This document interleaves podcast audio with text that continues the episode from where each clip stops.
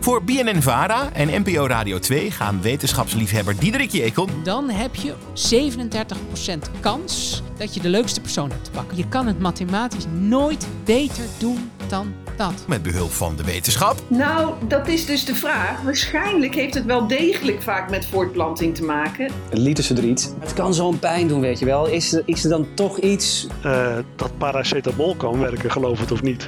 Aha, die schrijven we op. en acteur Thomas Kammaert... En wat is een, volgens jou een gezonde pornokijker dan? echt net als alcohol en drugs.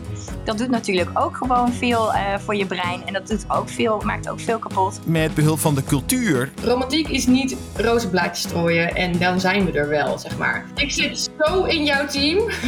Ja, het, eh, het boek is, eh, is heel erg gedateerd. Maar het is, het is ontzettend invloedrijk geweest. op zoek naar antwoorden op de grote vragen over de liefde.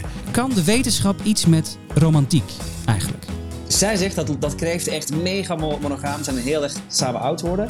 Klopt dat? Eh, Mijn naam is dus Diederik, ik heb een wetenschapshart en ik wil graag dus alles doorgronden vanuit de wetenschap. Mijn naam is dus Thomas Kamaert en ik ben acteur en ja, echt wel hopeloos romanticus. Op 14 februari verschijnen de eerste drie afleveringen in jouw favoriete podcast-app.